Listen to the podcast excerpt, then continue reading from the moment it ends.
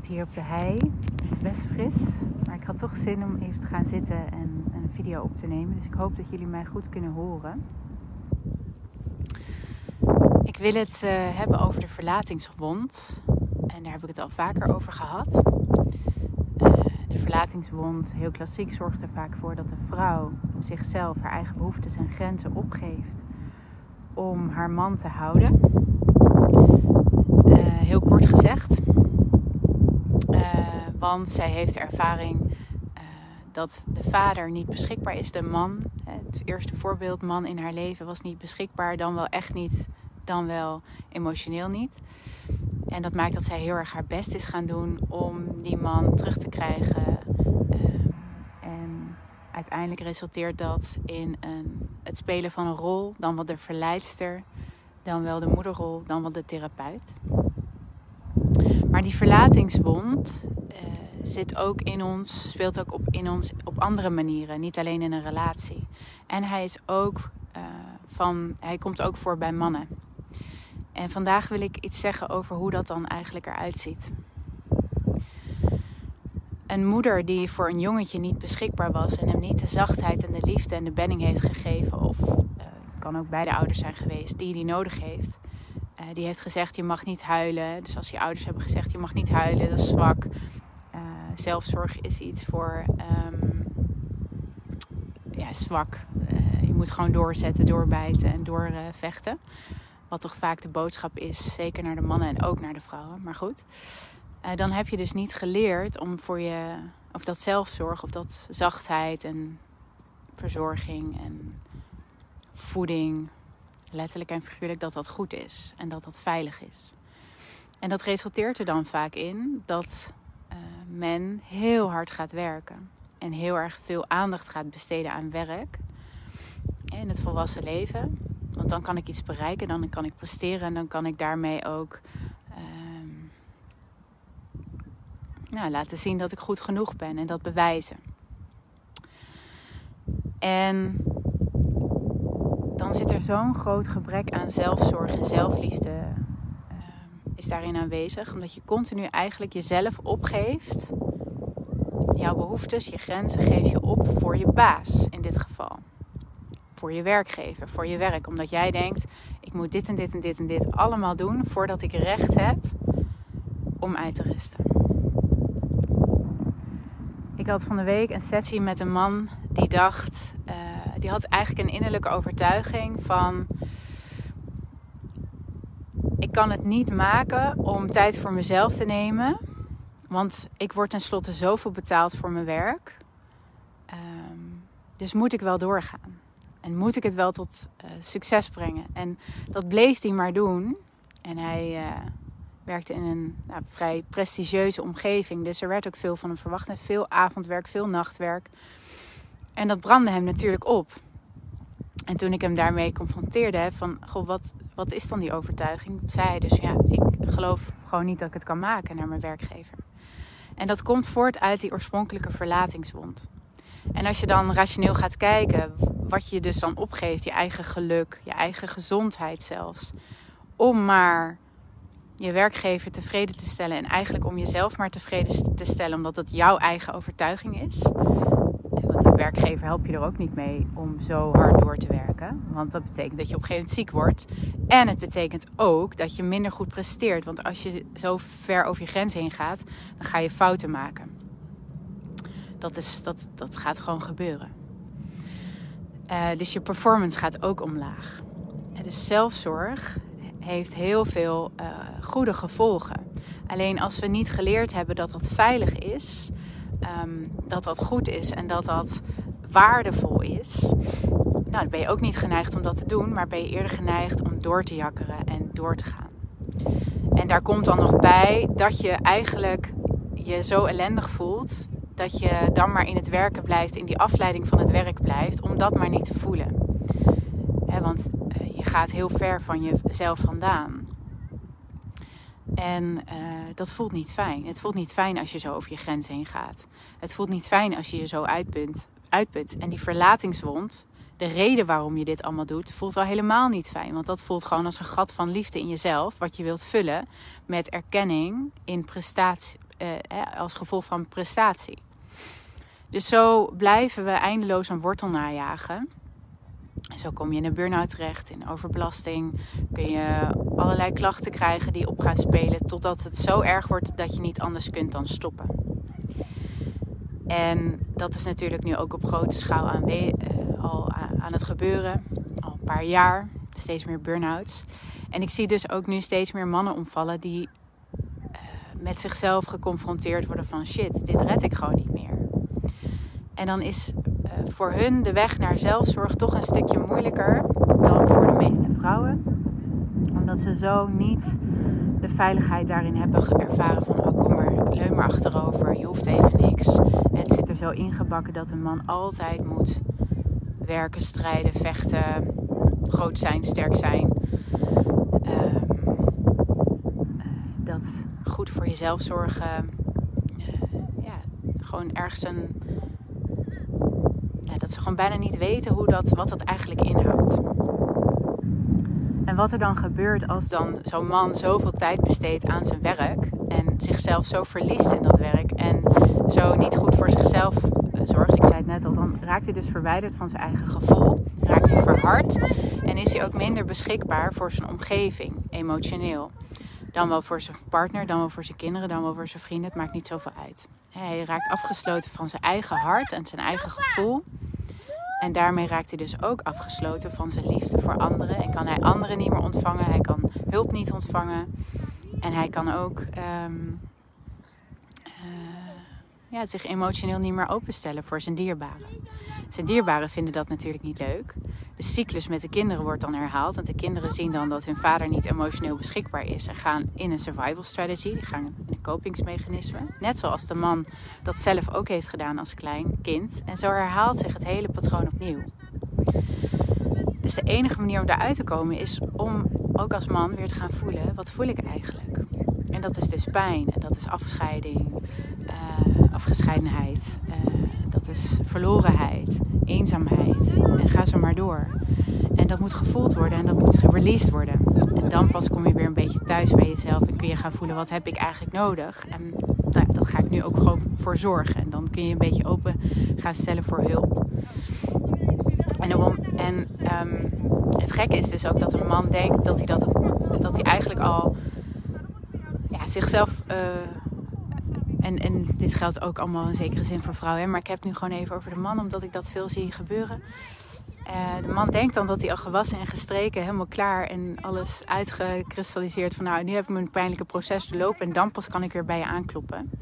Terwijl zijn dierbaren, zijn vrouw en zijn kinderen eigenlijk gewoon willen dat hij zich echt laat zien, inclusief zijn pijn.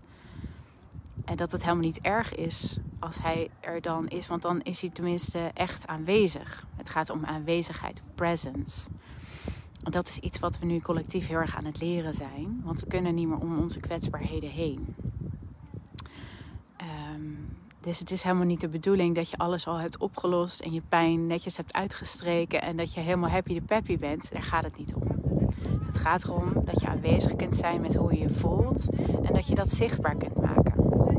Want ook voor je kind, en stel je voor je bent heel verdrietig of heel geraakt, dan heeft dat kind, uh, dat kind wil jou kunnen voelen. En als jij uh, jouw eigen gevoel niet mag hebben, dan ben je minder voelbaar en dat is onveilig. Als jij geen eigenaarschap neemt van jouw gevoel, uh, dan komt er op een gegeven moment een keer wel een uitlaatklep die extremer is Um, bijvoorbeeld denk maar aan een sneer of ineens dat je denkt, oh, ik heb het helemaal gehad. Dat komt omdat je heel lang je gevoel hebt onderdrukt. Je moest heel lang doorgaan. En op een gegeven moment moet hij eruit.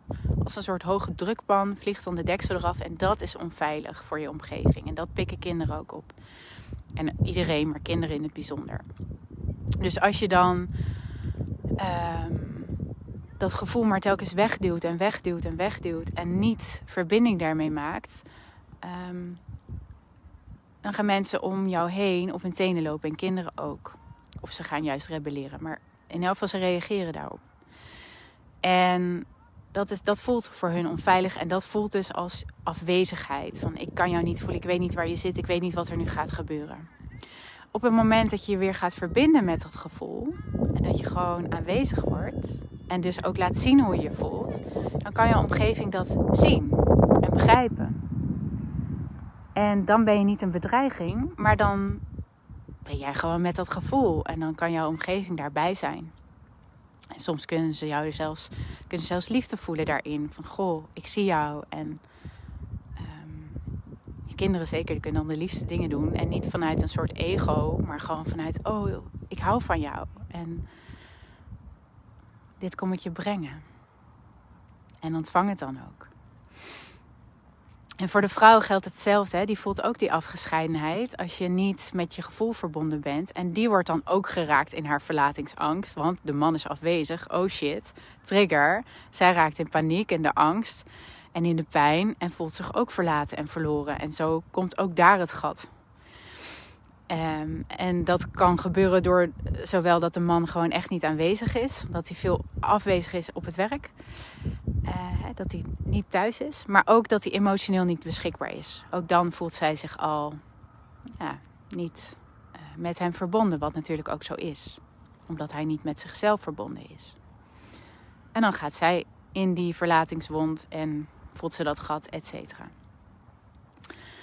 Ehm, en zo krijgen we dus een soort van verschuiving van. En wat mij de laatste tijd nog heel erg opvalt, is dat een vrouw zich daar heel erg in kan verliezen. En dan zelf ook niet meer carrière technisch of met haar successen tot uiting komt. En dat is ook het gebied waar zij zich dan juist op heel erg op mag focussen.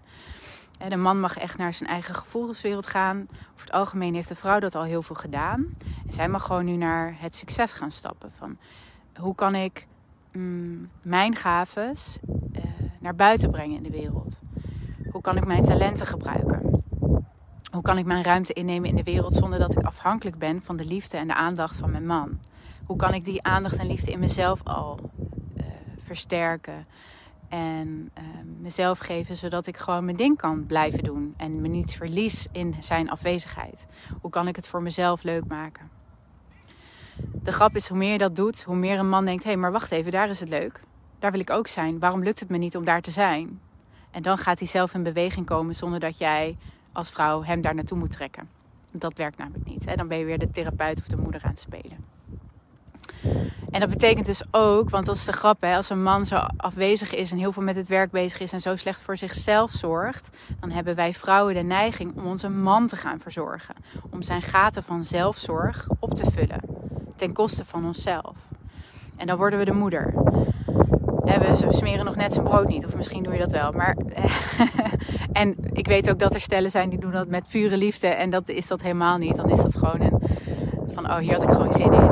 Maar als jij zijn gebrek aan zelfzorg gaat compenseren door jezelf op te geven, dan ben je een gat van een ander aan het vullen zonder jezelf daarin te voeden. En dat gaat gewoon niet werken. En dan stap je dus ook in die dynamiek van dat jij jezelf groot maakt en hij is klein. En hij weet niet meer waar iets ligt. Hij weet niet. Uh, uh, zo'n klassiek voorbeeld van: Oh, ik heb geen onderbroeken meer. Er is geen was gedaan. denk ik, ja, doe zelf die was. En dat, als vrouwen zijn we heel erg gewend om al die dingen op te lossen en aan te pakken, omdat we erbij al zien hangen. Maar dat moet je dus laten, leren laten en gewoon veel meer aandacht gaan besteden aan je eigen geluk, welzijn en ook succes. En dan krijg je een verschuiving terug naar het midden van jij weer op je eigen plek en dan kan hij ook weer naar zijn eigen plek. En natuurlijk kan het ook andersom, maar het is nou eenmaal zo dat de vrouw de afgelopen, wat zal het zijn, 10, 20 jaar al veel meer innerlijk werk heeft gedaan. Uh, door de bank genomen dan de man. En dat de mannen nu heel erg uh, met hun gevoelens geconfronteerd worden door alles wat er gaande is.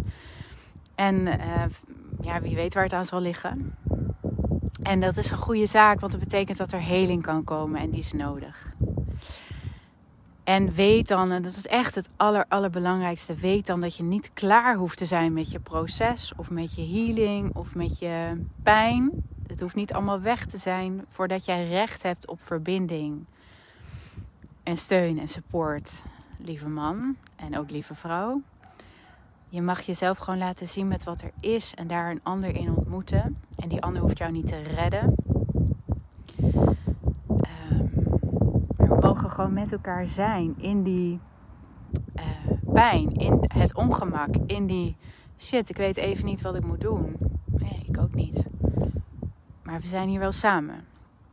En we kunnen even samen uitblazen, een kopje thee drinken of whatever. En kijken of emoties de ruimte kunnen geven, zodat er weer wat ruimte ontstaat voor een volgende stap of voor een idee of voor een oplossing of een ingeving die dan kan komen. Maar eerst zelfzorg. Eerst achteroverleunen, uitrusten, uitzuchten. En zo helen we dan ook die verlatingswond in ons en zien we van hé, hey, ik mag best wel goed voor mezelf zorgen en ik mag best wel mijn gevoel laten zien. En voor, hè, dat is even een stukje van de man. De vrouw is hier al geweest. En voor de vrouw, ik mag best succesvol zijn. Ik mag best wel heel blij en happy zijn en het goed hebben. Terwijl hij misschien in een heel zwaar leerproces zit.